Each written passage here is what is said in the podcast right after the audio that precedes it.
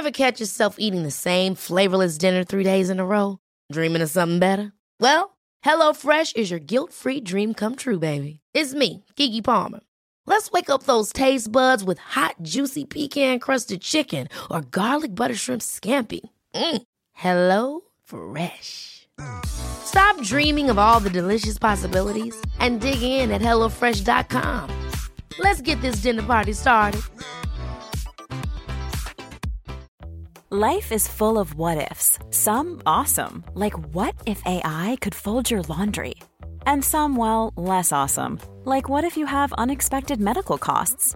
United Healthcare can help get you covered with Health Protector Guard fixed indemnity insurance plans. They supplement your primary plan to help you manage out of pocket costs. No deductibles, no enrollment periods, and especially no more what ifs. Visit uh1.com to find the Health Protector Guard plan for you. There's never been a faster or easier way to start your weight loss journey than with PlushCare. PlushCare accepts most insurance plans and gives you online access to board-certified physicians who can prescribe FDA-approved weight loss medications like Wigovi and Zepbound for those who qualify. Take charge of your health and speak with a board-certified physician about a weight loss plan that's right for you. Get started today at plushcare.com slash weight loss. That's plushcare.com slash weight loss. plushcare.com slash weight loss. God morgon min lilla göttegumma! Vad fan är det här? God morgon på dig med. Vad, är det som, vad är det som händer? Jag trodde vi skulle ses på, eh, i, i studion. Alltså, jag fattar ingenting. Jag dör. Nej men så här är det ju, veckans eh, avsnitt sponsras ju av Lexus. Så därför tänkte jag att det var kul att surprisa med att hämta upp dig istället. Så just nu Elinor så sitter vi ju i deras nylanserande och minsta SUV ever, Lexus LBX. Den säljs ju i fyra olika atmosfärer för att passa ens personlighet, så vad tycker du? Nej, alltså, jag är så jävla överraskad. Jag har typ inte vaknat än heller så jag är helt chock. Men alltså ja, den här atmosfären passar verkligen din vibe. Ja, visst! Alltså den är liksom så cool. Och jag tänker bara så här, det här hade du inte räknat med va? Nej, inte direkt. Att jag står på din liksom uppfart så här klockan nio och har riggat hela bilen. Nej, alltså, fattar du sinnesförvirrad jag känner mig just nu? Dels att du är ute i Nacka, dels att det står en sprillans nytvättad Lexus på uppfarten. Dels att du sitter bakom ratten och att du har riggat upp så vi ska spela in där i en, i en fucking bil. Vadå jag sitter bakom ratten? Vad menar du? Nej, men jag har aldrig sett dig köra bil. Alltså, det är alltid Jakob som kör. Kan du ens köra bil? Men snälla. Klart jag kan köra bil, jag har fan haft körkort längre än du har levt. Men vad tycker du? Har jag inte gjort fint? Är du inte imponerad? Jo, jättefint verkligen. Men jag fattar bara ingenting. Jag har så mycket frågor. Och det är så rent överallt. Vadå rent? Jag har väl alltid rent? Okej, du kan få fråga allting snart, men innan vi drar iväg så vill jag bara att du tar den här IKEA-påsen och tömmer hela din bil där borta och stoppar in i denna. Jag fattar, är du seriös? Ja, gå nu, kom igen så vi inte blir sena.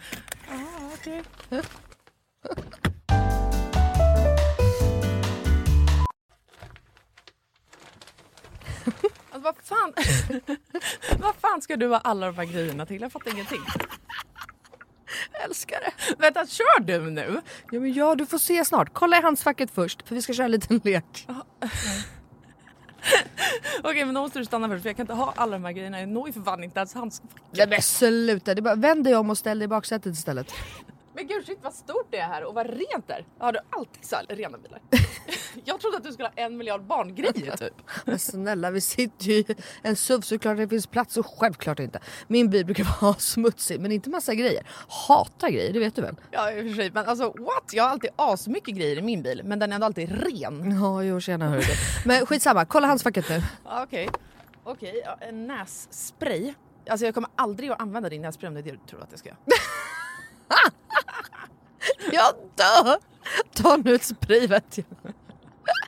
Nej, vi leker nu. What's in my car? Va? Vad är det för... Alltså, jag, jag fattar ingenting! Vad är det här för lek? Nej men du är trenden. What's in my handbag? Ja nu fattar jag, såklart du vet vad det är. Men vänta, menar du att jag ska visa alla saker jag har med mig? Nej, alltså så här, vi behöver kanske inte gå igenom allt men ville bara liksom förtydliga hur olika vi är. Jag har liksom alltså bara typ en nässpray, eller okej flera nässprayer men oavsett bara liksom nässprayer i bilen. Okej men vad menar du då? Vart ska jag ens börja här? Eh, vad du vill. okej. ja. Alltså jag använder ju min bil som en rullande garderob. Men okej, några saker som jag alltid har med mig. Det är ett par platta skor och ett par högklackar. Ja, en sminkväska och alltså alltid en hårborste och ett par hörlurar. Sen har jag också, ifall du undrar, en klädroller, solglasögon, paraply, kavaj, filt och så vidare och så vidare. Vänta, vänta, vänta, vänta, vänta. En- v- Vadå en filt? Det hade jag i och för sig kunnat tänka mig, men filt till vadå? Bland annat torkar jag Bruno med den. Eh, Och en handduk? Frågetecken. Vad fan har du, alltså, vad menar du? Ja, det är såklart att jag hade kunnat ha det. Men jag har en filt till det. Okej, fortsätt. Du har säkert massa mer grejer. Jag kan rabbla grejer, men då kommer det ta flera timmar Lina. Okej, men gör såhär. Välj tre saker till då som du alltid har med dig. Okej, eh, snus, självklarhet. Våtservetter, självklarhet. Och sen har jag alltid, alltid, alltid en vattenflaska som jag kan dricka med en hand. Så jag slipper hålla på med en kork. Ja, okej. Alltså, Åh, du är så sjuk i huvudet. Du har verkligen ett helt liv med dig i din bil och jag har fan inte ett piss. Jag tycker att det är ännu sjukare att du har en sån här stor bil men att du ändå inte fyller upp den med grejer. Nej men snälla, jag fyller ju min med liksom mina barn. har du så mycket barn jag har? Och snart en till. Och fattar du då också att Lexus har liksom massa SUVar som är ännu större. För som jag sa så är ju det här deras minsta SUV hittills. Och som jag tänker att du hade gillat. Ja, alltså den är superfin verkligen. Men alltså den låter ju ingenting när vi kör. Eh, Nej. Det är en laddhybrid eller? Ja, elhybrid. Men Ah, Lexus har eh, laddhybrider också. Och eh, det unika med den här då, Lexus LBX, är ju att den säljs i fyra olika atmosfärer. Elegant, emotion, cool och relax. Ja, just det. Det är så nice. Vi har i och för sig knappt pratat om det förut jag har så mycket frågor. Vad innebär det då med alla de här atmosfärerna? Ja det vill du veta va. Men det får vi prata mer om nästa gång för nu är vi framme och du måste faktiskt hoppa ut innan jag parkerar. Okej, alltså det här är det sjukaste ever, men fan vad kul. Okej, vilken morgon Melina. Tack så jättemycket. Varsågod. Världens överraskning, jag är fortfarande helt i chock. Så nice att åka en helt splitterny bil. Kan inte du bara hämta mig varje dag hemma? Självklart. Jag har ju verkligen vägarna förbi Nacka varje dag. ja, ja. Tack för skjutsen. Tack tack! Ses snart. Alltså din jävla galning. Oh, ser du inte något med mig då? Va- Varför, det- du vet att du börjar varenda jävla vecka sådär att jag ska se och det är ju liksom, vad ska jag se? Förlåt men Att- du hånade mig förra veckan för hur ful jag var. Nej. nej. Jo, det ser du gjorde inte hur jag. ser ut idag? Du var utvilad. Hur ser jag ut idag? Ja du är jättefin, du är jättepiffig. Jag är piffad, Ja. nyduschad. Och ny bh. Ja, kanske. Dina brön ser väldigt fina ut. Hur fan kan du se när jag har polotröja på mig? Jo men det blir så, det är så här, eh, vad heter det, draperat så att det blir liksom fint. Mhm, thank you. Sminkad. Exakt. Ja. Ja du brukar inte sminka längre. Eller? Nej, Nej. du har varit på mig om det. Ja. Att jag är så ful sen. Nej men Jag har gått ner mig. Fy fan vad hon kryddar. Du säger att jag aldrig duschar längre. Nej det gör Att du det ju luktar inte. illa. Ja, men det är att jag är äcklig. Mm, det är du Ja. och Jakob. Så idag är jag fräsch. Mm, fint. For you. Men nej, ja, då, fast då förstår jag varför du är fräsch. För att det är ju så här, vi sitter ju inte ensamma i den här studion. Så Nix. att det inte fan är, fy fan vad du är ful. Det är inte ens för mig. Det är för Viktor. Ja, det är för vår gäst. för att vi har ju den begåvade multitalangen. Ja. Han är poddproducent. Mm. Men jag vill ändå slänga in att du är fotograf. Mm. Du filmar, alltså du, ja, men du kan ju det mesta. Och inte nog med det, så klipper han ju alltså vår podd. Ja. Och vi har då här Viktor Ganguli! Håll i trösan! Höll i träsan! Nu kör vi!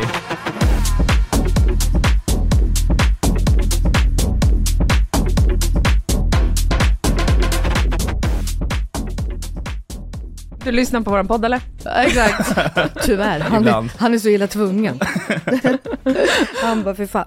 Nej men så här, Viktor du har ju bara klippt vår podd i, vad är det, tre månader? Lite mer? Tre och en Mm, halv? exakt, tre månader har det blivit nu. Ja. Känner du så här, vad fan så är jag för? Kolla han tycker det Ja, för men att, du, gud. för att du är så jobbig Elinor! Alltså den där gingen som jag var tvungen att ta fram, det var ju, jag var på väg att gå in i väggen, jag ska vara ärlig. Men efter det har varit smooth sailing. Viktor, glö- alltså vi är inte säkra än du och jag.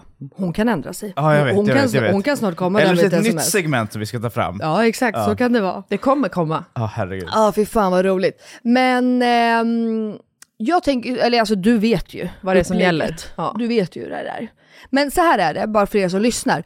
Vi har ju haft vår gamla klippare med, där vi bara pratade om oss själva. Ja. Riktig ego-boost i typ åtta timmar. Men det är ju inte du här för. För att Viktor har varit med om en extremt sjuk händelse i livet. Men det tar vi sen. Så att jag tänker att eh, de här fem snabba, bara så att ni lyssnare förstår, så att det inte blir liksom förvirrat, så tänker jag att eh, de här fem snabba, de kommer ändå handla om mig och Elinor. Mm. Och det handlar om att du liksom måste välja lite här mellan mig och Elinor. Ja. Så det är inte ja och nej-frågor, utan det är Melina Elinor. Ja, så här Ja. på morgonen också. Ja, så Okej. du måste. Det är en tuff En start, så här. Det är en tuff start. Är du redo att bli bränd, Melina? Alltså bara he- hela liksom första, vet du det? Nej, vänta, det här är det Andningen. roligaste. Det här är det roligaste. Jag ser på Melina direkt. Det första hon tänker är, jag kommer inte bli bränd, det är Självklart, ja, så självklart. Okej, vi kör då. Viktor, är du redo? Kommer det vara så här, vem gillar du mest? Självklart. Av, herregud! du. Höll i trösan. Okej. Vem av oss är enklast att jobba med? Ja, Det, det är ju Melina. Det är, så, så, så är det ju. Det, det, det, du, du är en väldigt enkel människa att ha att göra med. Ehm, Yes! och eh, just när det, när, det, när det jinglar och sådär så, så kan det vara lite tufft ibland, men, eh, men eh, ja, nej. Det, ja. Yes, Ehm, 1-0 till Mellis. Men det har blivit bättre. Det känns som att det tog ett tag för oss att eh, eh, hitta vår vibe, liksom. eller för mig att förstå er. Mm. Eh, och där har det varit skitbra att uh, Elinor har liksom varit väldigt tydlig liksom, i hur... med hennes klippt. som helst. Okej. Vem är trevligast på sms? Trevligast på sms? Det är nog Elinor, Ja! skulle jag säga. Det är bara för jag aldrig svarar. det, är så här, det är bara hon jag skriver med liksom. Alltså, Jag har ju aldrig något att säga. Nej. Jag bara läser och sms och bara, åh gud det är så långt, stackars Viktor, stackars Viktor. Och sen så bara, jag bara, ja, jag skiter i men det. de första feedbackrundorna, det var så här. Första gången jag fick den, jag bara men det här är ju fine, det var ju inte alls så illa liksom. Så var det typ fem Och eh, sen missade jag ju att man kan klicka på more där nere. Och det här smset, alltså det var så långt. Jag, bara fortsatte scrolla, fortsatte scrolla och, du, liksom. och du ska veta då att jag är liksom din bro, så jag smsar henne off gruppen och bara Elinor, du måste skärpa dig. Sluta, han kommer grejer, han kommer lära känna oss. Okej. Vem av oss känner du att du har lärt känna bäst sen du började klippa vår podd? Mm. Jättesvårt tycker jag.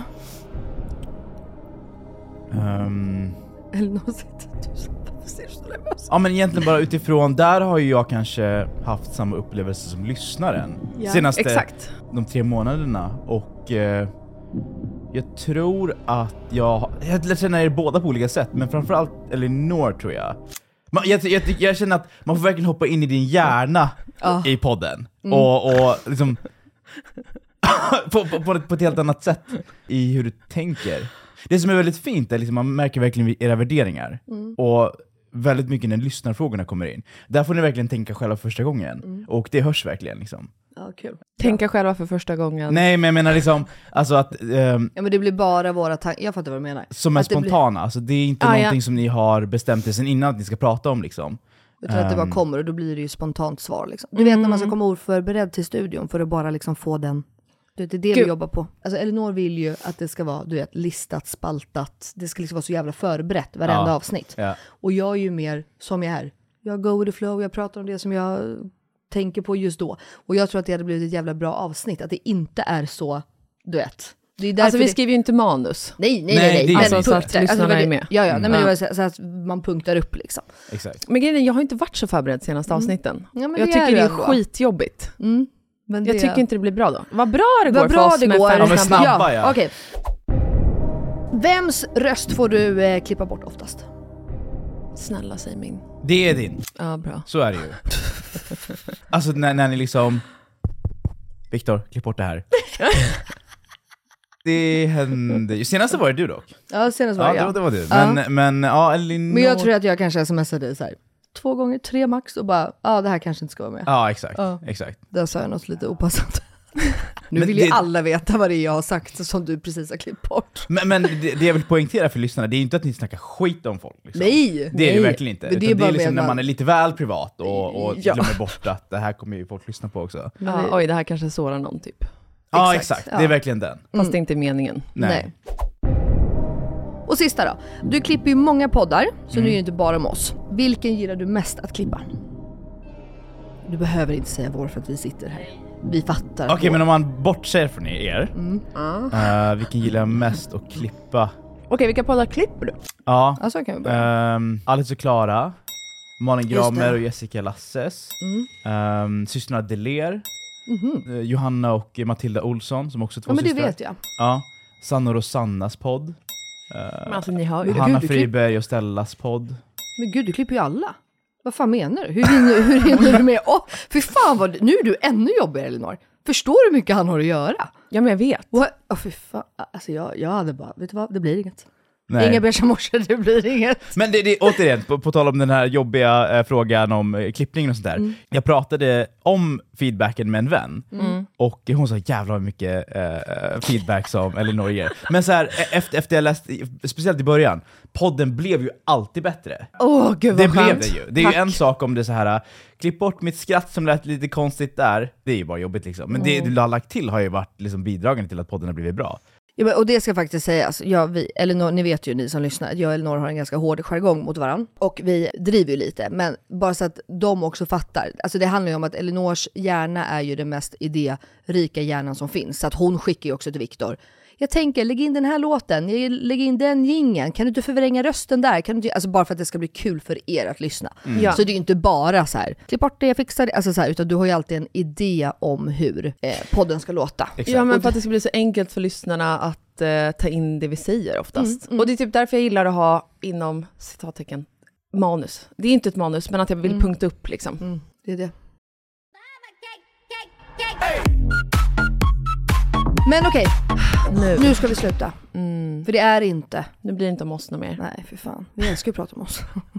Sån jävla ego. Men jag, alltså jag är sjukt taggad på det här avsnittet. Ja, faktiskt. Sjukt taggad. Ehm, berätta du, vad är det vi ska få prata om? Vad är det vi ska få höra? Nu ska vi bara lägga allt fokus på Viktor. Och en händelse som du har varit med om. För Viktor har faktiskt suttit i fängelse.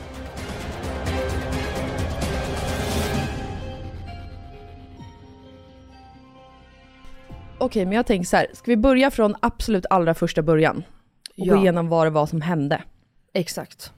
Varför är du så jävla kriminell? Ja, gud. Nej men skämt Vad var det du skulle göra? Eh, så eh, jag var 19, Hur gammal är du nu? 29. Mm. Så det är tio år sedan. Ja, det var som var så sjukt var att eh, jag fick en notis på Facebook. Ni vet när händelser dyker upp, och så stod det 10 år sedan, och sen var det den här tidningsartikeln att så här, Oh, wow. 19-årig Jaha. fast i eh, en cell i Israel liksom. Och det är så sjukt, alltså med allting som händer nu. Eh, och att det var 10 år sedan, det är helt galet. Eh, så jag la upp det här på min story, det var ju den ni såg kanske. Ja, var, jag såg den och bara what the fuck? Alltså jag, jag hade ingen aning. Ja. Så jag blev så himla förvånad när ni hörde av er igår, men kan du dela med dig av den här grejen imorgon? Jag bara, hur visste de det? Och sen insåg just det, jag la ut det. Självklart Elinor som ser sånt. Och jag frågar så här, jag bara "Haha, varför har han suttit i fängelse? Har han typ tagit någon drog? Hon bara, nej alltså det är lite allvarligare så, skicka länk. Jag bara, oj jävlar i havet. Okej. Men, Det här var alltså Berätta. tio år sedan. ja, 10 år sedan. ja Um, 19-åriga Viktor. 19-åriga Viktor, eh, bor i Borlänge, precis gått klart gymnasiet och eh, jag vet inte vad jag vill göra med mitt liv, men eh, engagerar mig ideellt. Jag och ett gäng skulle åka till Palestina och eh, volontärarbeta. Vi kom fram då till eh, Tel Avivs flygplats och eh, allt var fine och vi var supertaggade och eh, det Hur kändes många himla... var ni? Vi var fem personer Ja. var vi. Och eh, eh, hade liksom en plan att träffa välgörenhetsorganisationer och kulturarbetare som jobbar väldigt så här, gränsöverskridande mellan Israel och eh, Palestina. Och hade en hel kalender för vad vi skulle göra de här sex dagarna vi skulle vara borta. Vid eh, flygplatsen så hände det vid, jag tror det var tre tillfällen som eh, personal och, och gränspolis kom upp till mig och eh, frågade om mitt pass. Alltså helt random. Ja, verkligen helt random. Tre gånger liksom. Jaha. Och det var alltid bara mig. Och eh, Ja det var det jag skulle fråga, var det hela gruppen eller var det bara du? nej, det var bara jag. Det var ju också bara jag som inte var etnisk svensk.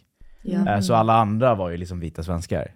Men så fort att de såg på mitt pass att eh, ja, men, svensk medborgare så var det fine varje gång och gav tillbaka det och sen fortsatte vi. liksom. Och sen stod vi i kö till passkontrollen. Jag stod längst bak i den här kön. Och en av en kom eh, de jag åkte dit med in. Liksom. Och sen när jag stod där så kollade de länge på passet, kollade på mig, kollade på passet, kollade på mig. Och eh, det tog lite mer tid, och sen kom det en vakt som eh, sa att "Nej, men, du kommer behöva följa med. Liksom. Men, och vad tänkte du då? Alltså det här låter ju hemskt, men eh, det är väldigt sällan jag känner mig rasistiskt behandlad i mitt alldagliga liv. Just på flygplatser, det är en sån sjuk upplevelse när man är en mörkhyad person. Liksom. Så att jag är ganska van. Liksom. Är det sant? Ja, Gud ja. vad sjukt. Ja, det är alltid att eh, det är ett stickprov som man råkar vara den som alltid är den. Liksom. Jag rycker liksom lite på axlarna. Alltså jag gör ju inte en grej av det någonsin. Liksom. Så du tänker att så här, nu kommer jag behöva gå in i det här rummet och sen kommer jag komma ut igen? Ja, liksom, om- ja. men det är så här, ställa några frågor och sen är man Ja. klar. Liksom. Och sen så sätter sig i ett rum med eh, en gränspolis som ställer alla de här frågorna. Och eh, vi hade kommit överens om i vår grupp att om det händer så ska vi eh, påstå att vi är turister. Ja, inte jobba med välgörenhet? Nej, precis. För att Varför det är det? känsligt. Okej. Det är väldigt känsligt för, för dem. Liksom. Ja. Vi är turister och eh, vi ska besöka de hela platserna. Det var den storyn jag drog. Liksom. Mm. Men de var så inte nöjda med det svaret. Så sen fick jag sätta mig ute igen, och sen gick det en timme. Och sen har de tagit mitt pass och min telefon, så jag hade ingen kontakt med eh, det gänget längre. Så de var s- förmodligen bara väntade där. Liksom. Och här tänkte du fortfarande att det här kommer... Ja, det var ju lite så här, ah, gud, så här, vi hade ju en plan för vad vi skulle göra redan den dagen, men kände ändå att det här kommer vara långdraget, men så här, äh, det kommer lösa sig. Liksom. Men så fortsätter det så här i flera timmar nu, och eh, eh, jag fick inget vatten och ingen mat, och till sist så hade jag varit i flygplatsen i 12 timmar. What? Ja, Vadå, du fick inte ens vatten? nej. Eh, och sen in Men- och ut i de här mötena med nya personer hela tiden. Vi kom ingen längre liksom. Och de tog din telefon för att... Jag vet inte. Ehm, För att inte kunna ha kontakt med någon annan antar jag. ja. Eller? Kollade de igenom den? Exakt. Det här var så länge sedan nu, så jag minns inte hur de kom in på min telefon, om det var jag som gav dem koden till sist, eller om de som knäckte den själva. Men där det föll var att eh, de kom in på min kalender i telefonen och eh, såg de här inbokade mötena eh, som vi skulle ha med de här organisationerna. Och då sa de direkt, vi vet att det ljuger. Och vilka typer av organisationer var det? Alltså det var mycket så ungdomsorganisationer. Jag minns en grupp som vi skulle träffa hette typ eh, Youths Against Settlements. I deras bild så var jag typ supervänsterradikal aktivist som skulle demonstrera. Liksom. Eh, men det var ju inte alls på det sättet. Alltså det här var ganska mjuka organisationer skulle jag väl säga då. Liksom. De sa att vi vet att du ljuger och vi har inget problem med att du är här för välgörenhet. Liksom. Och då sa jag som, det, ja, det är det jag ska välgörenhetsarbeta. Liksom, Och träffa de här. Som sagt, jag var på flygplatsen i 12 timmar och jag fick aldrig någon information om vad som händer nu någonsin. Nej. Och frågade du så här, vad gör jag här, vad vill ni, vad, varför är jag kvar så länge, varför? Jag Eller tror typ inte jag gjorde det. Utan jag bara liksom kände mig lugn, bara så här, lät det som behövde hända hända just nu. För jag liksom kände ändå att ja, men, efter jag är klar här, då kan jag liksom haka på mitt gäng. Men du visste inte om dina kompisar var kvar? Nej, det visste jag inte. Visst, vet du om de också fick se, äh, hamna i intervjuer? Eller liksom bli, vad säger Nej. man? Nej, det behövde de inte. Nej. Nej. Så de letade ju efter dem på flygplatsen. Ah, Okej. Ja, men eh, vi hittade dem inte tror jag. Och sen så var vi klara. Liksom. Vi var mitt i natten, typ halv två. Ja. Ehm, och eh, hade fortfarande inte ätit eller druckit någonting. Liksom. Och jag bara, äntligen, nu är vi klara. De tog mina väskor och eh, vi var på väg vidare. Och eh, jag väntade på att få min telefon och sådär. Och fick ett eh, nytt gäng poliser runt mig. Sen så inser jag att vi inte är på väg ut. Liksom. Och så frågar jag, men... Och de säger ingenting till dig? Nej, de säger ingenting. Vadå, de säger typ så här, kom nu Viktor, nu ska vi gå. Exakt, exakt. Och jag bara utgår ifrån, ja, men nu, nu, är vi, Såklart. nu, vi, Nu är du fri. Ja. Exakt. Så sa jag, men det här är ju inte rätt utgång liksom. Och de sa, men vad har de sagt till dig? Nej men du kommer inte komma in i landet liksom. Va? Ja, och jag bara, oh. Och det var ett, verkligen ett ögonblick. Jag bara insåg, ah, det här kommer vara en helt annorlunda resa liksom. Så jag var ju superberedd på att, ja, men då får jag liksom bara åka hem igen liksom. Så himla segt. Åkte hela vägen dit bara för att åka hem liksom. Så du tänkte att nu kommer de bara sätta mig på Ett avdelningen? Nästa flyg ja, hem, nästa liksom. flyg hem ja. Ja, Jag har faktiskt en annan kompis som har varit med om det. okej. Som inte kom in i USA, som bara fick vända. För det är verkligen Israel och USA Ja, som ja. är väldigt Ja, speciella där. Det var bara att åka hem. Men Ja. det var ju det som hände liksom. Ja, och det är så jävla segt. Så jag var superberedd på det, och eh, sen hände en sjuk grej. Och där och då, så när jag var 19 så, jag reagerade inte på det lika mycket som jag gör nu tio år senare, men det var helt sjukt att det hände. De skulle göra en kroppsvisitering på mig. För att... Helt ärligt, jag vet inte. Alltså, Nej. De kollar väl efter både... Jag tänker att de säger det. Alltså, Men de här Nej, gav de- inte information om någonting. Nej, i och verkligen för sig. inte. Och, och så, här, vad, vad- så här, vad spelar det för roll nu? Ja men det är det jag menar.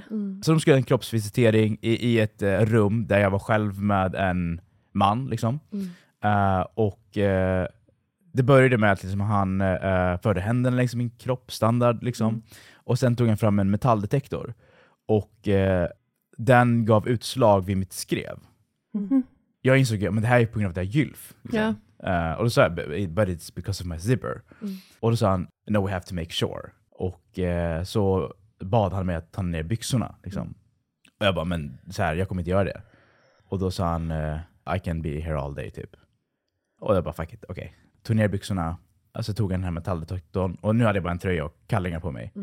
Körde den runt igen, inget utslag. Jag tar upp byxorna, han bara, no, no, no, no. Du behöver ta ner kalsongerna också. Men det är så jävla sjukt egentligen alltså. Det är så jävla sjukt alltså. Och jag var så här, det, och så här, som sagt, där och då så var det inte en stor grej, men så här, i efterhand, jag var 19-årig kille och det här var en stor SLS-man själv i ett rum. Liksom. Och då sa jag, jag kommer inte göra det. Liksom. Eh, och sen så tar han in en annan person i det här rummet, uh, så nu är de två personer som hetsar om att jag ska ta av mig kalsongerna. Och uh, till slut gör jag det bara, liksom, och står där naken. Och eh, då tar de metalldetektorn igen, och obviously fortfarande inget utslag. Och sen låter de mig ta på mig uh, byxorna igen. Liksom. Nej, det är så jävla sjukt. Och där, du säger att för tio år sedan så var det inte en lika stor grej som det är nu. Vad känner du nu om hela den händelsen? Alltså det fanns faktiskt ju ingen anledning att göra sådär. Det är så mycket psykologiskt spel. Eh, så mycket exakt. ta ifrån en ens värdighet och integritet. Men så mycket maktspel Ja, också. verkligen. Att bryta ner personen, det är så jävla hemskt. Ja, det är ju sjukt integritetskränkande. Ja. Och hur kände du att den här, de här, den här personalen på flygplatsen, för det var tullpolisen, heter det så? Tull, Gränspolis tror jag. Gränspolisen. Ja. Eh, kände du att det liksom var en hotfull stämning, att det var så aggressivt, eller kände du att de ändå var, försökte göra det så bekvämt för dig som möjligt i hela den här situationen? Nej, den var alltid superhetsig och aggressiv liksom. Och jag lyckades ändå behålla mitt lugn, och varenda gång som de höjde rösten så fortsatte jag vara lugn liksom. Det tror jag är frustrerande också. Eh, För dem ja. Ja, exakt.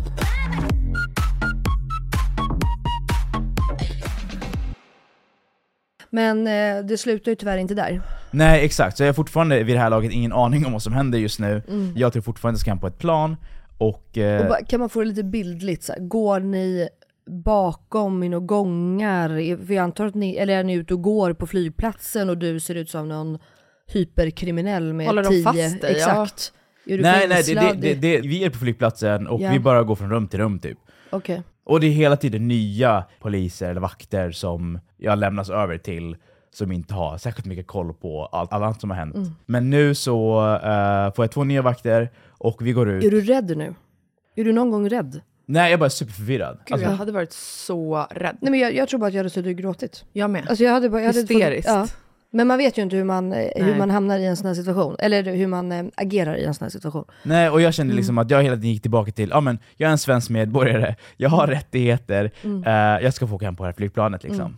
Men där blev en chock, nu är vi utomhus och eh, jag sätter mig i en bil, en sån liten minivan, och sen kör vi bara rakt ut i natten. Och jag har fortfarande ingen aning om vad som händer. Men ingen säger, och du vågar fortfarande inte fråga. Nej, det hjälper liksom inte eh, så här, vad som händer. Och, så här, och de blir hela tiden förvånade över att jag inte fått informationen från det förra gänget som Ja. hade tagit hand om mig där och då. Liksom. Så de har ingen aning heller. Liksom. Nej. Jag tror inte jag fick den informationen när jag satt i bilen heller. Nej. Och sen åkte vi ut, det var mitt i natten, eh, 40 minuter senare var vi framme, och eh, så är det som en anstalt, ett fängelse liksom. Men, vä- vänta, ha- har du fått tillbaka din telefon? här? Har du hört någonting från dina vänner för att kontakta Nej, någon? nej, ingenting. Nej, men det här är så sjukt. Ja. Jag hade min mobil där ett tag, och jag sa att ja, men jag tror att det sista vi skrev var att jag tror det kommer ta lite längre tid. Liksom. Och det var nog det sista vi hade kommunicerat med varandra. Det är också så jävla sjukt. Och tänk dig kompisarna Ja, som exakt, också sitter typ som- och bara, ja. ja. men det tar lite längre tid och bara, nå- ja. Vi, jag ska komma till det sen, för jag tycker att när man sitter häktad generellt, och då pratar vi Sverige, att det också är sjukt, för du får inte ha någon kontakt med omvärlden. Mm. Du får inte ens ringa till din fru, du får inte ringa till din mamma, du får inte ringa till alltså, någon och bara säga att så här, jag blivit häktad, det här har hänt, vi hörs. Du blir ju noll. Exakt. Men vi ska inte prata om det nu. Jag tycker bara att det är sjukt, hela den här, man bara, kan man få säga till någon i sin närhet, det här har hänt. Så har de informationen i alla fall. Ja exakt, för det är ju det. Alla runt om som bara, och nu är ni också i ett annat land. Ja. Alltså jag kan bara tänka mig för din familj, dina vänner, äh, för fan, ja förlåt, fortsätt. Ni kommer fram då till det här häktet, eller anstalten eller vad det är. Du vet inte riktigt vad det är eller? Jag vet inte vad det här är. Men du Eh, förstår eller? Ja, och så här, återigen den här, okej, så här, från att jag blev nekad att komma in i landet, jag bara ah shit, till att jag såg det här, äh, den här byggnaden, jag bara okej, okej, det är det här som vi kommer göra nu liksom. Ja, med stängsel och taggtråd och hela Ja, köret. ja verkligen stängsel och traktor. Så, så det, det är ju inte deras officiella fängelse med kriminella, utan Nej. det är ju människor som eh, ska deporteras eller hem och sådär. Mm. Så vi kommer in, som sagt, återigen, det är mitt i natten och eh, alla är så himla sura på mig för att de behöver liksom ta hand om mig nu Mm. mitt i natten. Så att när vi kommer in eh, blir det hetsig stämning igen, och de här vakterna skriker på mig och bara så här: vi är sena, vi är sena, vi måste vidare, vi måste vidare. Men jag fick ett telefonsamtal innan jag skulle in i min cell. Du fick göra ett sista telefonsamtal. Ja, Ah, eh, och eh, jag ringer mamma i Borlänge liksom. Mm. Och så ringer henne och hon svarar Hej Viktor, hur går det? Hur mår du? Har ni kommit fram? Liksom. Och sen har jag de här israelerna som bara skriker och skriker och skriker och hetsar på att jag måste lägga på. Mm. Jag säger Hej mamma, jag eh, sitter i fängelse nu, men jag mår bra. Och så klickar de. Och jag förstod liksom inte Hörde hon vad jag sa nu ens? Mm. Gud, jag blir så berörd. Nej, jag med. Jag försöker verkligen hålla ihop det. Mm. Alltså jag kan inte ens föreställa mig också vad din mamma, Nej jag skulle precis säga det, förstår ni mamma också? Ja. alltså hur rädd man hade varit som Ja, och hon var ju förälder. ganska paranoid över resan från början liksom. Eh, sen så kommer vi in till vår cell. Den var ganska liten. Eh, jag räknade på att den var typ mellan 20 och 25 kvadratmeter. Liksom. Och eh, det är mörkt i cellen för de sover. Eh, så det var... Ja, vänta, ni är flera där inne? Ja, eller jag, jag kommer in och det är människor redan där. Eh, så det är sex stycken, ursäkta, det är tre våningssängar, alltså bunkbeds, så att det är sex sängplatser. Och eh, det är liksom plastdynor och bara det. Och sen är det en toa mitt på golvet liksom. Ja, det var det jag skulle fråga, är ingen- det hål i, hål i golvet eller var det en toalett? Det var en toalett, men det var inga väggar som skyddade Nej. den från liksom, den var liksom, Var det betongväggar, golv? ja, betongväggar. Är det som man tänker sig i en film? Exakt, så här, Alltså- f- 20 centimeter tjock dörr typ, som bara i met metall som Exakt smälls så, igen. och sen är ett li- litet fönster i dörren. ja, Liksom. ja, det är verkligen så. Eh, och sen är det ett fönster ut. Eh, men, men det här blev, från allt som hände, så var det här jag verkligen blev superrädd. För Mm. att eh, det som var så märkligt var att eh, jag kommer in, de stänger dörren bakom mig och eh, det finns ing- som ingenting där. Det är ett golv, det är väggar, det är sängar och en toa. Och eh, på de här sängplatserna, det ligger redan sex personer på sängarna. Så att alla sängar är tagna. Nej, Så jag bara, vad är planen här liksom? Så jag bara står där och är så himla förvirrad. Liksom. Då är det en person som, eh, tror några timmar efteråt, eh, lämnar cellen. Eh, så tar jag den sängen liksom. Men vet du om här att det här är ett fängelse för andra som har hamnat i din sits? Eller tänker du så här, det här är människor som har begått mord, alltså att det här är ett real deal, hardcore, högriskfängelse? Eh, Eller jag, högsä- högsäkerhetsfängelse heter det va? Mm. ja, jag tror att jag fick, det var så länge sedan, men jag tror att jag fick informationen av att det här liksom inte, det är inte kriminella liksom. Okej. Eh, men det var ganska stort liksom, eh, fängelset. Så att, Var, var det någon som sa hej? Var det någon som vaknade? Nej, eller så? det var Då- ingen i- som hälsade liksom. Och eh, jag fick ju verkligen känslan av att eh, de i det här rummet, de är ju inte turister, liksom, som jag då. Mhm. Eh, utan det här är människor som förmodligen har levt ett liv i eh, Israel Ja, eller Palestina. Ja, och det här var liksom, de låg bara på sängarna, de gjorde liksom inget annat. Okej, så du spärras in i det här rummet med de här sex andra då fångarna. Mm. Ni alla är frihetsberövade, du blev ju egentligen det redan från början i tullen ju. Mm. Ja. Knappt någon mat och vatten. Du har fått ringa ett samtal till din mamma, du vet inte om hon har hört vad du sa. Mm. Vad liksom... Hur gick dina tankar här? Sjukt nog var jag fortfarande lugn. Liksom. Okej, nu är det det här som behöver hända och eh, jag tror att en, farlig plats att hamna på mentalt tror jag att det är så här, vad hade jag kunnat gjort annorlunda? Hade jag kunnat liksom gå först i kön? Eller, det var mycket sådana tankar i början, men sen i slutändan spelar det ingen roll. Jag kunde inte ha blekt ansiktet liksom. Eh, och eh, bara acceptera situationen som är nu. Återigen, jag är en svensk medborgare, jag kommer komma hem. Liksom. För det, m- mina eh, största frågor i det här blir så här, när du är där, kände du då så här, jag är från Sverige, jag är svensk, jag kan lita på mitt land, jag har mitt land i ryggen, de kommer lösa det här hos mig. Exakt. Och vad, du kommer väl säkert till det också, men så här, var det de som löste det? Det är liksom, kände du dig hela tiden trygg att så här, Sverige, för att jag tänker så här, i, i alla fall i sociala medier, när någon svensk blir så här, när det händer någonting så blir det så jävla upphaussat i alla tidningar och vi ska få hem och vi ska fick, alltså så. Är det så? Gör de allt de kan för att, alltså känner du att de gjorde verkligen allt de kunde för att få hem dig? Jag förstår att du inte visste det då den natten, men nu efter här känner du liksom att så här, ja men det är Sverige, det går att lita på som land. Det var det som sagt, där och då som jag verkligen trodde i mitt hjärta. Men eh, eh, andra dag två så kom eh, svenska ambassadören Ja, och hälsade på mig. Liksom. okej. Hon förklarade hela situationen. Hur vet hon att du sitter där? Är det fängelset då som kontaktar svenska ambassaden, eller hur liksom funkar det? Det, så att, eh, den informationen jag fick där och då var att eh, de jag åkte dit med hade kontaktat henne. Då. Ja, bra. Ja, och eh, ja, men fick information om att så här, de har haft det supertufft, men eh, det är ändå skönt att veta liksom, för de har fått informationen nu. Ja. Och eh, det var så skevt för att i slutändan, eh, den här ambassadören, hon agerade li som lite bara terapeut. Eh, För hon sa det här brukar hända då och då, och sen delade hon med sig, ja, du har blivit bannlyst också i 12 år. Eh, jag bara okej, och hon bara det är lite ovanligt att man också blir bannlyst. Vad betyder det exakt? Du Jag får, jag får inte komma in i landet på 12 år, så två år till från idag liksom. Alltså, det här är så sjukt, du har liksom inte ens gjort någonting. Nej jag vet, alltså, det är så galet. Och det fanns inte så mycket hon kunde göra heller. Liksom. Eh, och hon berättade att så här, jag var tvungen att åka hem med samma flygbolag som jag kom in i landet med. Och eh, det planet skulle inte komma förrän fyra dagar, så därför är jag placerad här just nu under den tiden. Va? Vad fan spelar det för roll vilket jävla flygbolag man åker hem med? Ja. Skicka ett fucking privatplan eller? Ja. På tal om din fråga om hur Sverige hanterar sådana situationer, där är de ganska lame. Alltså, Ja det är så. Eh, jag upplever att eh, det här är en helt annan story, Mm.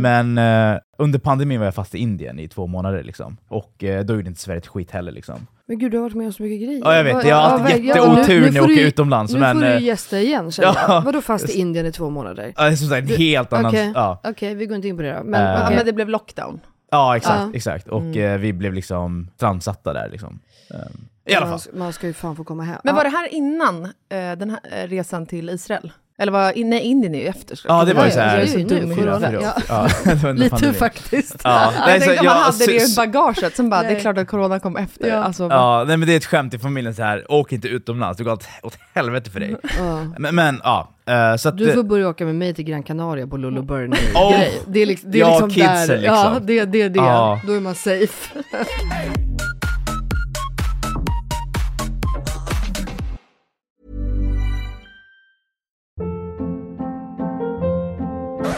Hold up. What was that? Boring. No flavor. That was as bad as those leftovers you ate all week. Kiki Palmer here, and it's time to say hello to something fresh and guilt-free. Hello Fresh. Jazz up dinner with pecan-crusted chicken or garlic butter shrimp scampi. Now that's music to my mouth. Hello Fresh. Let's get this dinner party started. Discover all the delicious possibilities at hellofresh.com. Quality sleep is essential. That's why the Sleep Number Smart Bed is designed for your ever evolving sleep needs. Need a bed that's firmer or softer on either side? Helps you sleep at a comfortable temperature? Sleep Number Smart Beds let you individualize your comfort so you sleep better together. JD Power ranks Sleep Number number 1 in customer satisfaction with mattresses purchased in-store. And now, save 50% on the Sleep Number limited edition Smart Bed for a limited time. For JD Power 2023 award information, visit jdpower.com/awards. Only at a Sleep Number store or sleepnumber.com. Many of us have those stubborn pounds that seem impossible to lose, no matter how good we eat or how hard we work out. My solution is PlushCare. PlushCare is a leading telehealth provider with doctors who are there for you day and night to partner with you in your weight loss journey. They can prescribe FDA-approved weight loss medications like Wagovi and Zepbound for those who qualify. Plus, they accept most insurance plans. To get started, visit plushcare.com slash weight loss. That's plushcare.com slash weight loss. Vi är återigen sponsrade av Ako! Nej men alltså det är så kul va. Mitt älskade Ako. Det finns ju fan ingen som har missat att jag älskar deras SPF-produkter eller? Nej, men samma här ju. Vi har ju pratat om vikten eh, om att skydda sig. Mm. Men framförallt i ansiktet. Men Ja. nu närmar vi oss sommaren så då tycker jag att vi ska lyfta deras nyhet Sun Gel Cream som kommer i både SPF 30 och SPF 50 för hela kroppen. Men alltså snälla kan vi bara prata om vilken mirakelprodukt det här är för oss som har svintorr hy eller? Alltså inte nog med att den är ultralätt och absorberas in snabbt i huden på sätt. Två röda! Utan den innehåller ju också hyaluronsyra. Alltså det är en av de bästa hudvårdsingredienserna jag vet. Så den återfuktar verkligen och inte torkar ut på torrisa som mig.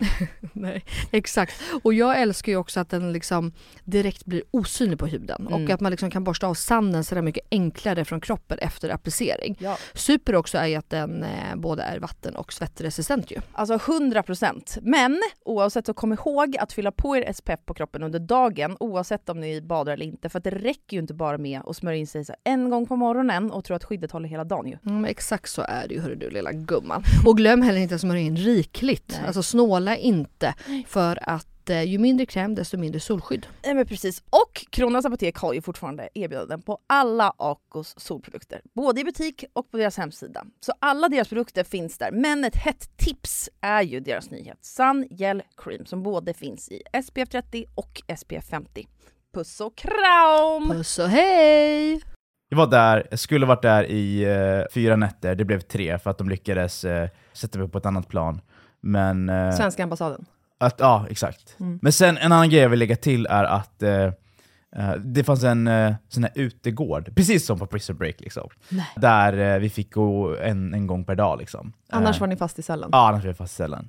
Och då fick man ju se vilka alla andra var i alla andra celler. Liksom. Mm. Och det var ju ingen från Europa där, liksom. eller ingen turist, utan det var ju bara människor som... Eh, eh, väldigt mycket människor eh, från eh, Afrika. Av någon anledning ukrainare var det väldigt många också. Och det var väldigt få som kunde engelska. Det var det jag skulle säga, pratade du med någon? Mm. Kunde Nej. du bonda? Alltså, Typ ingen. Ehm, Men gud. men det var en andra natten så kom det in en man från, eh, som hade härkomst från Västafrika. Och eh, han kunde väldigt bra engelska. Så här, vi delade livsstories typ. Mm. Och eh, han var så himla sorglig. Han flydde sitt hemland på grund av krig och han var politisk flykting då. Mm. Hans hela familj och släkt hade blivit slaktade. ja Liksom. men slut. Ja, och han hade sju barn. Liksom. Frun dog, barnen dog, alla dog. Och han liksom, är ju en av de här människorna som tog en, en liten plastbåt över hela havet och kom fram till Israel en dag. Liksom. Och lämnade verkligen ett helvete för att hamna i ett annat helvete. Så han eh, var kock och eh, jobbade på en sushi-restaurang i Israel ehm, i eh, fyra år typ. Svarta har det så jävla tufft där också. Alltså det är inte bara palestinier. Alltså svarta är så förtryckta. Och de trakasserar ju deras restaurang så många gånger. Just för att han var svart. Liksom. Nu var han där med mig. Hade heller inte begått någon brott. Nej. Alltså det är så sjukt. Och eh, skulle deporteras tillbaka till Västafrika. Och eh, ehm, han sa att men, de eh, väntar på mig på andra sidan och jag kommer så här, med största sannolikhet bli avrättad. Liksom. Och sa liksom att eh, han har accepterat sitt öde nu och var väldigt religiös och sa att eh, livet var tufft och han ser fram emot att träffa sin familj igen. Liksom. Men gud vad hemskt. Ja. Mm. Jag vet, det är så fruktansvärt. Åh gud. Men hur kändes det för dig att höra där? Alltså jag bara tänker så här. Jag bryter ihop, bara hör det nu. Du sitter i ett fängelse med honom. Mm. Kunde du känna så här. Alltså det låter ju sjukt, men kunde du på något sätt känna så här. Ja men då har jag helt plötsligt ganska bra. Eller blev Ja. du bara ännu deppigare av hans då? Alltså jag vet inte, jag, hade bryt, jag vet inte vad jag hade gjort. Och jag, ja, för, ja, jag tänkte säga så här, man vill ju bara få med honom till Sverige då, men det hade Det han var det jag tänkte inte så här, kom, följ med mig hem. Ja. Mm. Ja, det är så jävla mycket bra människor i världen som utsätts för så hemska saker. Liksom. Ja, men den här tanken följde med mig ganska många år. så här. eh, Jag kom hem, men finns han idag? Liksom? Att det var som att träffa ett spöke som ingen kommer komma ihåg liksom. Det finns som ingen kvar ens att, eh, alltså, Fråga eller... Äh. eller tänka på att hans liv fanns och, Alltså att hela så- hans släkt blev liksom utplånad då. ja. Det är fint att du tar upp honom här också. Jag menar, det hade du ju inte behövt göra. Mm. För nu pratar vi om honom. Och ödet som hans familj. Gud, det här är så fruktansvärt. Okej. Eh, du, han kommer in i cellen dag två. Mm, Ni sitter och har de här samtalen. För ni delar cell. mm. Under den här tiden, får du någon mer information? Får ni mat? Hur är liksom... Ja, det är, det är också, alltså, också så jävla vidrigt. Vi får alltid såna här super eh, torra baguetter med smör på. Och eh, sen är det alltid eh, skinka på baguetten. Och eh, jag är inte muslim, men det är ju majoriteten av dem som, Ja, Fy fan. ja, och judar kan ju inte heller äta skinka liksom. Eh, Återigen, makt. Alltså Ja. bara för att liksom kränka, jävlas. Och de vill väl inte ens, alltså de vill väl inte ens ta bort det för att äta, eller? Nej, alltså, Har så det egent, legat där egentligen, så- det, det, är så- det men- har ju rört brödet. Ja, liksom. exakt. Ehm, ja. Men eh, jag, jag får ett tidigare plan, åkte tillbaka till flygplatsen, har fortfarande inte på mig pass eller mobil. Sätts på ett plan, mellanlandar i Turkiet, får nya vakter där. Och jag märker direkt att så, här, så fort jag landade i Turkiet, de var så chill. Så här, där släppte li- lite på axlarna liksom. Och eh, fick förhöras i Turkiet nu, ehm, och de bara, men vad, vad var det som hände egentligen? Och så delade de med mig av allt, och eh, de fattade verkligen. Sa till mig att eh, alltså, vi Får jag vet bara fråga, hur det är är du- där. Är du, eller varför förhörs man i Turkiet också? var det för att du inte hade pass och sånt då eller? Jag tror det. Ah, Eh, okej. Och att jag kom, jag, jag fick som åka på ett så himla skumt sätt. Liksom. Mhm. Eh, Och Vadå vad- skumt sätt? Ja, exakt. nej men som sagt, alltså jag hade inget pass. Eller jag- de överlämnade hela tiden mitt pass till nästa gäng liksom. Som Ah. nu ska ta hand om mig i näst, så här. Just det. Men fick du sitta själv på flygplanet eller var det någon som satt med dig hela tiden? Nej jag satt, satt precis som alla andra liksom. Okej. Ehm, Så ingen på planet visste vad du hade varit med om? nej, Nej. Men som sagt, det var ju liksom, så här, det var ju nya vakter som väntade på mig när vi skulle landa igen. Mm. Liksom. Och hur kändes hela den Ja. grejen? Att så här, alltså bara det måste ju vara jobbigt att typ utåt sett se ut som någon liksom kriminell eh, galning typ. Alltså för Ja. det, eh, men det är väl så det måste kännas, att så här, här står det två vakter och väntar på mig, ja hej allihopa. Eller Ja. bryr man sig inte? Eller? Nej, jag tror inte jag tänkte på det. Nej. Utan var bara så taggad på att få komma hem. Liksom. Ja, och eh, fick äntligen ta planet hem till Sverige och landade i Göteborg, för det var där planet skulle. Och eh, ehm, där fick jag min mobil till slut. Liksom. Och eh, gick in på den och eh, gick in på Facebook och eh, eh, min Facebook hade ju exploderat. Liksom. Ja. Alltså det var hundratals meddelanden. Uh, och inlägg och människor som skrev till varandra och politiker som hade liksom satt sig in i det här. Och jag bara, hur, hur, jag hade ingen aning om. Det skrevs ju om mig i vår lokaltidning i Dalarna varje dag som jag var borta. Mm. Och får de info från ambassaden då eller? Hur funkar det rent? Nej, det var mamma som eh, gick loss alltså. Ja. Ja. Alltså, hon, hon är en sån indisk hönsmamma som än idag ringer mig varje dag och frågar om jag ätit liksom. Jag älskar Eh, och alltså Gud, nu hon, börjar jag gråta igen. Ja. ja, alltså, hon ringde polisen, advokater, jurister, politiker, journalister och så här, hon ringde hela dagarna liksom. Mm. eh, och försökte få hem mig. Sen var det journalisterna som var väldigt där för henne liksom. Mm. och hela tiden försökte uppdatera henne med information de hade. Mm. Och var verkligen där och, och hjälpte henne eh, hela vägen. Liksom. Ja. Men var det någon som visste som du kände i Sverige? Alltså var det någon som visste att du skulle landa i Göteborg Nej det var det inte, men jag ringde en vän i Göteborg. Och, när du landade? Ja, Mm. eh, och bodde hos honom den natten och sen åkte jag hem till Borlänge då. Eh, och han, det första han sa liksom jävlar vad du stinker. Fan.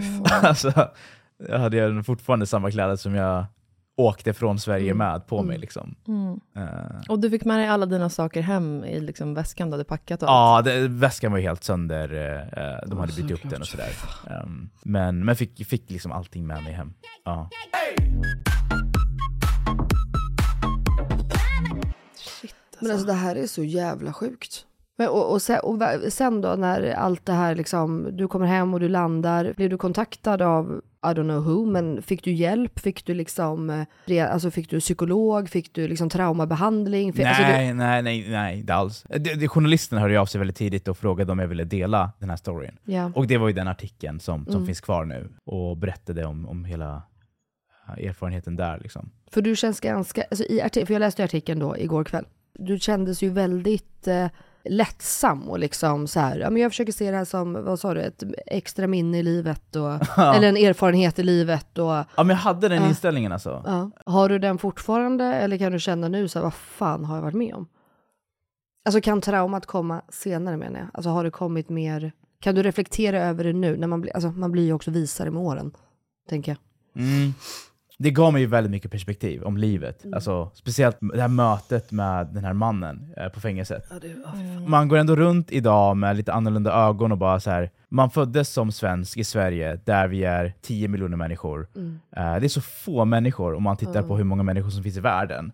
Och hur unik och hur privilegierad den upplevelsen vi fick är jämfört med så jävla mycket människor där ute. Det närmaste vi kan komma Eh, de människorna är liksom via allting som sprids på sociala medier och eh, filmer och, och man försöker sätta sig in. Men det går knappt, alltså det går inte. Där är det så himla lätt att eh, fastna i sina vardagliga problem. Liksom. Och det är väl också en del av den så här, mänskliga upplevelsen, att så här, lidande är ju en del av resan. Liksom. Men jag tror att det är också bra att ha det här perspektivet av att jag vann när jag föddes, liksom. och det gjorde inte alla. Mm. Alltså jag blir ändå imponerad av att du har den synen på livet. För att jag sitter här och känner såklart exakt samma känslor kring jordens övriga befolkning. Mm. Men jag känner också att så här, för mig som vit, att du sitter och pratar om det här och det du blev utsatt för. Jag förstår ju, men samtidigt så kommer jag ju aldrig förstå hur det är att bli utsatt för den rasismen som du blev utsatt för. Mm. Alltså att du blir misstänkliggjord bara för att du ser ut som du gör, att du han behöver sitta och försvara dig själv. Alltså, för mig är det svårt att ens ta in. Att du ska behöva gå igenom det här. Bara som du säger, att du har blivit ifrågasatt flera gånger på flygplatsen, att de kollar ditt pass extra gånger och frågar dig var du kommer ifrån, vart du ska, vad du ska göra. Det har jag aldrig behövt uppleva. Nej, liksom. För bara det tycker jag är fruktansvärt.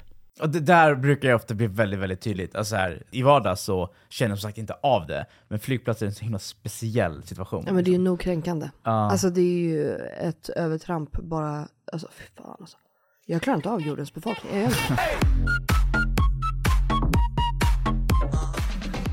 Okej, men efter liksom när du kom hem, har du, känner du att du bär på några liksom men från det, eller har du kunnat gå vidare? Känns det läskigt att resa igen efter det? Jag, har- jag har typ inte det. Nej, jag vet inte om det är sjukt, men alltså, jag är väldigt eh, alltså, lik den inställningen som där och då. Jag, så här, innan det här så lyssnade jag på eh, han jag eh, träffade i Göteborg, han hade en podd, Super, way back in the days, och jag lyssnade på den och bara, det var ju så här dagen efter jag kom hem, och eh, eh, det var liksom ingen rädsla eller någonting i rösten överhuvudtaget. Liksom. Och, och det, mina vänner var fortfarande kvar i eh, Palestina då, eh, under den tiden.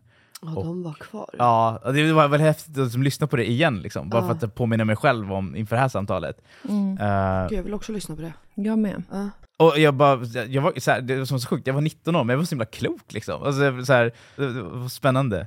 Varför tror du att de var tvungna att klä av dig naken? Men det kanske var för att jag höll mitt lugn och de, verkligen, de vill se den här rädslan igen. Vad är det hos dig som gör att den inte uppstod? Någonting väldigt bidragande tror jag att jag, jag, eh, jag har mediterat väldigt mycket. Gör jag. Det var även så jag spenderade dagarna i, när vi var i cellen. Jag tänker mycket på att eh, vi var ändå turister i det landet. Jag kan bara föreställa mig hur någon annan skulle bli behandlad av palestinier. Liksom. Bättre människor har ju genomgått värre saker än vad vi gjorde.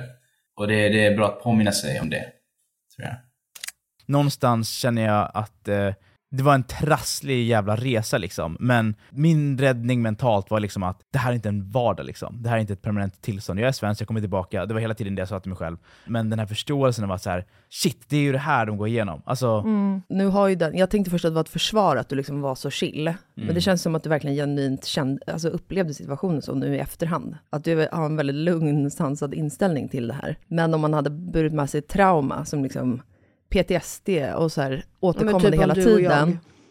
Exakt, alltså exakt. Mm. Alltså jag hade aldrig Alltså- blivit mig själv igen. Nej men aldrig. Jag är övertygad. Jag pratade om, för det, ro- eller det är roligt, det är absolut inte roligt, men när jag läste artikeln, Ja. min första tanke är så här, det låter som att det är Jakob, alltså min man, som svarar i den här artikeln. Ja, han Eh, är och- också väldigt likgiltig. Ja, ja, nej. Och så visar jag honom det här och pratar då att du ska gästa och det och vi ska prata om det här. Och han bara, fan vad sjukt. Alltså han bara, ja det låter som jag. Han bara, jag skulle ju vilja sitta i fängelse. För att få den upplevelsen och för att få en mer förståelse för hur folk har det. Ja. Han är ju väldigt så här, ja men som du pratar om nu, det finns alltid någon som har det värre. Alltså han vill Ja. liksom vara, med- du vet, jag bara, vad menar du? Jag, alltså jag hade, jag hade nog kunnat få självmordstankar tror jag. Det, det hade Alltså, jag också fått. Visst? Alltså, Ja. så det handlar, alltså, du måste ha ett så jävla starkt psyke. Och då tycker jag att jag personligen har ganska starkt psyke. Men det är liksom, ja men så pratade vi, eh, Jakob och jag, om just det. Och han var, alltså han, just för den här meningen som du säger i artikeln då, att så här, ja, men jag är en eh, erfarenhet rikare. Mm. Och också som du säger då, du träffar den här eh, svarta mannen som du liksom får höra hela det och kan då liksom sätta dig i något sjukt jävla kontext till honom som gör att du liksom kan känna att så här, jag har det typ bra. Alltså jag, jag vet inte om jag hade grejat det. Jag tycker det är så jävla stort och så jävla fint. Och Jakob sa exakt detsamma, alltså att han hade liksom velat vara med om det för att kunna ännu mer förstå verkligen hur världen, för det var ju som Elinor sa, du och jag, vi är ju intelligensmässigt så fattar vi ju vad som händer. Men man kan liksom inte fatta det. Och där blir Jakob då direkt att så här, "Ja, men jag skulle också vilja vara med om det så att jag verkligen kan känna och verkligen du vet så här. Ja, och det, så det jag som känner till om Jakob, jag tror också han hade hamnat där Ja. mentalt. Att eh, försökt liksom göra någonting bra av det. För någonstans, alltså vi åkte ju dit med syftet att eh, försöka bilda oss en egen uppfattning. Jag visste ingenting om Israel och Palestina-konflikten och eh, visste inte alls vad jag skulle förvänta mig. Liksom. Men av alla som åkte så var det jag som fick eh, känna på den verkligheten Mm. mer än någon annan. Mm. Liksom. Men känner du inget hat? Mm. Ilska, Ilska, exakt. Alltså, upprördhet, bitterhet. Nej, det gör jag inte. Jag kan bli väldigt så här när den här frågan kommer upp i... Det, det är absolut en fråga som triggar mig. Liksom. Det, det är väldigt få grejer som gör det. Men eh, jag eh, tycker så fruktansvärt synd om, om människor i den delen av världen. Och Mm. Det är så jävla hemskt och så hopplöst. Och sen kommer alltid upp den här frågan, ja men vad är din lösning då? Vad är din lösning då? Tror du på en tvåstatslösning liksom? Och jag, bara, jag har ingen aning om det där. Alltså, jag vet inte vad som är bästa lösningen, men jag tycker det är så jävla hemskt bara. kan folk skaffa lite fucking vett bara? Alltså, jag, alltså jag är chockad över mänskligheten. Det blir ju en helt annan och större fråga. Men att vi fortfarande kan leva 2023, snart 2024 och fortfarande ha det så här. Jag, Mm. jag, jag, jag tycker att det är helt jävla sinnessjukt. Att det kan finnas så mycket hat i världen. Ja, jag håller Också, med. alltså jag begriper inte. Men det känns ju som att din inställning till livet också, att du är en väldigt så här, problemlösare. Alltså att det också gör, jag menar inte i konflikten Israel-Palestina, utan mer när du blev frihetsberövad, att du hela tiden var så här, okej, men nu är det här som gäller, jag får göra det bästa av det jag är exakt just nu. Mm. Och att det känns som en väldigt, väldigt eh, vettig väg att ta mentalt i en sån situation. Jag är väldigt glad också att du ville komma hit och prata om det här. Det känns Ja, väldigt alltså, viktigt. Gud ja. Eller det är väldigt viktigt. ja. Ja, ja just, jag är jätteglad att eh, eh, ni ville bjuda in mig och att det var det, när ni hörde av er igår och bara kan du gästa liksom? Och eh, sen att det var det ni ville prata om. Jag, eh, jag, jag blev lite nervös faktiskt inför det här samtalet och, och hur det ska landa och Såklart. Jag tycker det är så jävla fett att du delar med dig Ja, av det. Exakt. Alltså det är helt otroligt. Och också att så här få detta, alltså man skulle kunna prata om det här i, alltså jag, jag, jag skulle vilja veta exakt vad var det för färg på väggarna, hur såg golvet ut, vad var det för mat, hur smakade maten exakt, när fick ni mat, vilka klar... Alltså jag, nej, men jag vill bara veta hur det så här funkar i ett fängelse. Ja. För jag tänker också, nu är det här bara en, eh, i Sverige så, våra fängelser, vad jag har hört och vad man läser om i, i media, så har vi det ju jävligt bra, till och med i fängelser här. Mm. Och det känns så jävla, ja det enda fängelset jag varit inne i det är Thailand. För att pappa var eh, kompis med polischefen där på Phuket. Eh, och då fick vi åka dit som ett så här studio och du vet. Och där var det, men där var det bara ett hål i golvet. Ah. Det var en cell, där fick ju för sig alla egna celler. Eh, men du vet, de var, ja alltså, en och en halv gång en och en halv meter. Ah. Och ett hål i golvet. Ja, men jag tänker toaletten spelar väl ingen... Alltså, jag, bara den, för jag kollar ju på det här, det är ett av mina favoritprogram. Worst, vad heter alltså den här Eh, journalisten som åker runt till olika fängelser. Exakt, Mm. i världen. Mm. De Ja. värsta liksom. Och då tänker jag ofta på, du, alltså, speciellt du Melina vet ju om min integritet. Mm. Alltså för mig att sitta på toaletten framför andra människor. folk, ja. Nej, men det är helt, jag- jag ville faktiskt fråga så här, gick du på toa någon gång under de fyra jag dagarna? Ja. Eh, och eh, det var sjukt obehagligt liksom. Ja. Eh, Fan. Men det var liksom, ja. Men det kanske är, är det, blir det då en naturlig grej där, för att alla sitter i samma båt? Alla tycker att det är lika jobbigt. Det, det, en annan speciell grej är ju liksom att när man hamnar i en situation där man, som en så här, förändrar ens liv. Nu gjorde det inte det för mig, för att allting var väldigt tillfälligt liksom. Jag skulle vara där i fyra dagar liksom. Men där man bara, det här är verkligheten nu. Mm. Eh, och eh, nu är de här spelreglerna vi behöver hålla oss inom. Och eh, då anpassar sig ju människan väldigt snabbt liksom. Men känn, var du aldrig rädd att det inte bara skulle bli fyra dagar? Slog dig tanken aldrig så här, Det skulle bli tänk om förlängt. det här är lifetime? Nej, tänk om det- de hittar någonting som de kan, alltså, du vet, de kan väl vinkla det mesta tänker jag. Nej, alltså, jag hamnade aldrig där. Nej, för fan. Så återigen, det här är en helt annan story. Men eh, det här låter sjukt, men rent mentalt var ju Indien mycket värre liksom. Är det Eh, sant? Ja. Du måste gästa igen. ja. Och nej men det Jag höra allt. 100 procent. Nej men det måste vi. Det här, för vi, det här får liksom Nej, bli en Indien lämnade mig till- traumatiserad alltså. Det, Är det sant? Ja, det var helt sjukt. Ja, vi måste prata om det. Det här blir en cliffhanger till januari. Ja men gud, ja. Visst, för folk och även för oss. Ja.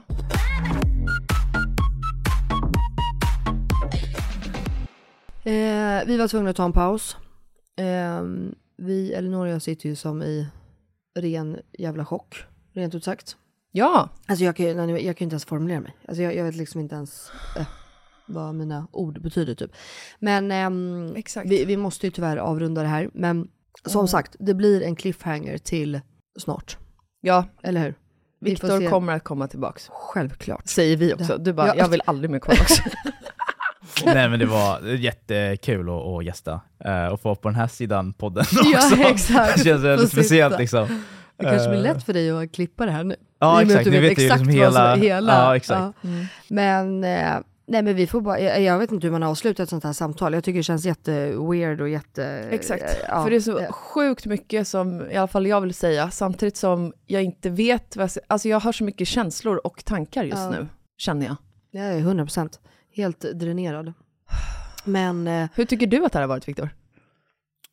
Det, det var speciellt för mig också, det var så länge sedan som eh, jag, eh, jag har ju berättat för många vänner om den här storyn, men, men ja, så här, inte gjort det i det här formatet och, och som sagt det var tio år sedan nu. Eh, så det är, ja, det är väldigt speciellt, men jag är väldigt tacksam att jag, ni, ni bjöd in mig och eh, Mm.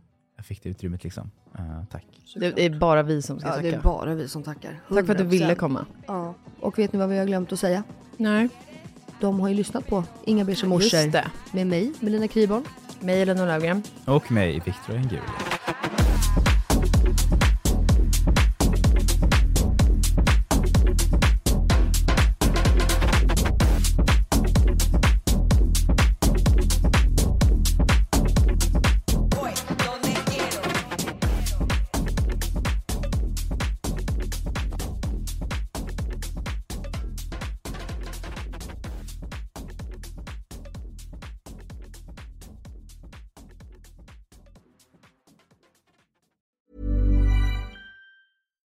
Catch yourself eating the same flavorless dinner three days in a row? Dreaming of something better? Well, HelloFresh is your guilt free dream come true, baby. It's me, Gigi Palmer. Let's wake up those taste buds with hot, juicy pecan crusted chicken or garlic butter shrimp scampi. Mm. Hello Fresh. Stop dreaming of all the delicious possibilities and dig in at HelloFresh.com. Let's get this dinner party started. Even when we're on a budget, we still deserve nice things. Quince is a place to scoop up stunning high-end goods for 50 to 80% less than similar brands. They have buttery soft cashmere sweaters starting at $50, luxurious Italian leather bags, and so much more. Plus, Quince only works with factories that use safe, ethical, and responsible manufacturing. Get the high-end goods you'll love without the high price tag with Quince. Go to quince.com slash style for free shipping and 365-day returns.